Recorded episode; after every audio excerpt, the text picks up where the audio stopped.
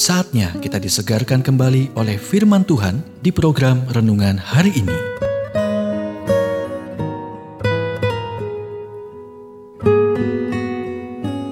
Renungan hari ini berjudul Hati Anda Harus Disunat.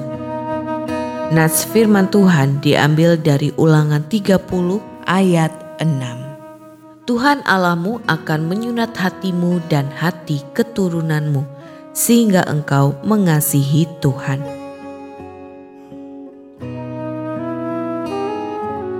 Bayi laki-laki Yahudi menjalani ritual atau acara seremonial sunat.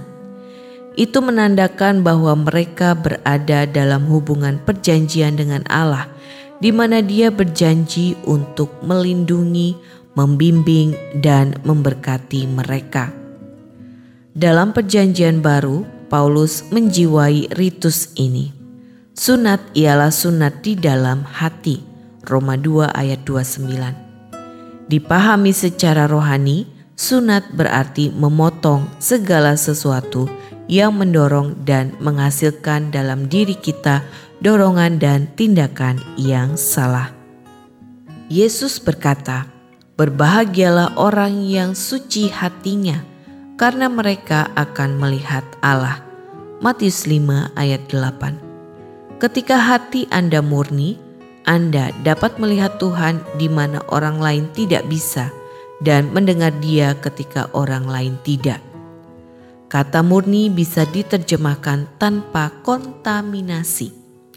Inilah perbedaan antara sungai yang bersih dan sungai yang berlumpur dan tercemar itu berarti Anda meninggalkan pemikiran yang berpusat pada diri sendiri dan menyelipkan sifat duniawi Anda. Perbedaan antara mengampuni dan membersihkan adalah seperti perbedaan antara memotong rumput liar di tanah dan mencabutnya sampai ke akarnya. Pengampunan berkaitan dengan hasil dosa, dan itu mudah dikenali tetapi pembersihan berhubungan dengan penyebab dosa, dan itu tidak mudah untuk diidentifikasi karena berhubungan dengan sifat alami dan kekurangan karakter Anda. Pengampunan datang dengan pengakuan, tetapi pembersihan datang dengan berjalan dalam terang. 1 Yohanes 1 ayat 7 mengatakan, tetapi jika kita hidup di dalam terang sama seperti dia ada di dalam terang, maka kita beroleh persekutuan seorang dengan yang lain dan darah Yesus anaknya itu menyucikan kita daripada segala dosa.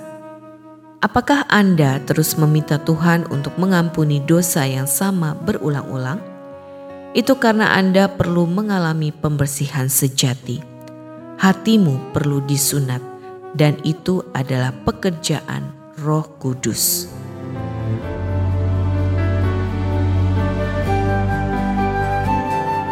Kita telah mendengarkan renungan hari ini.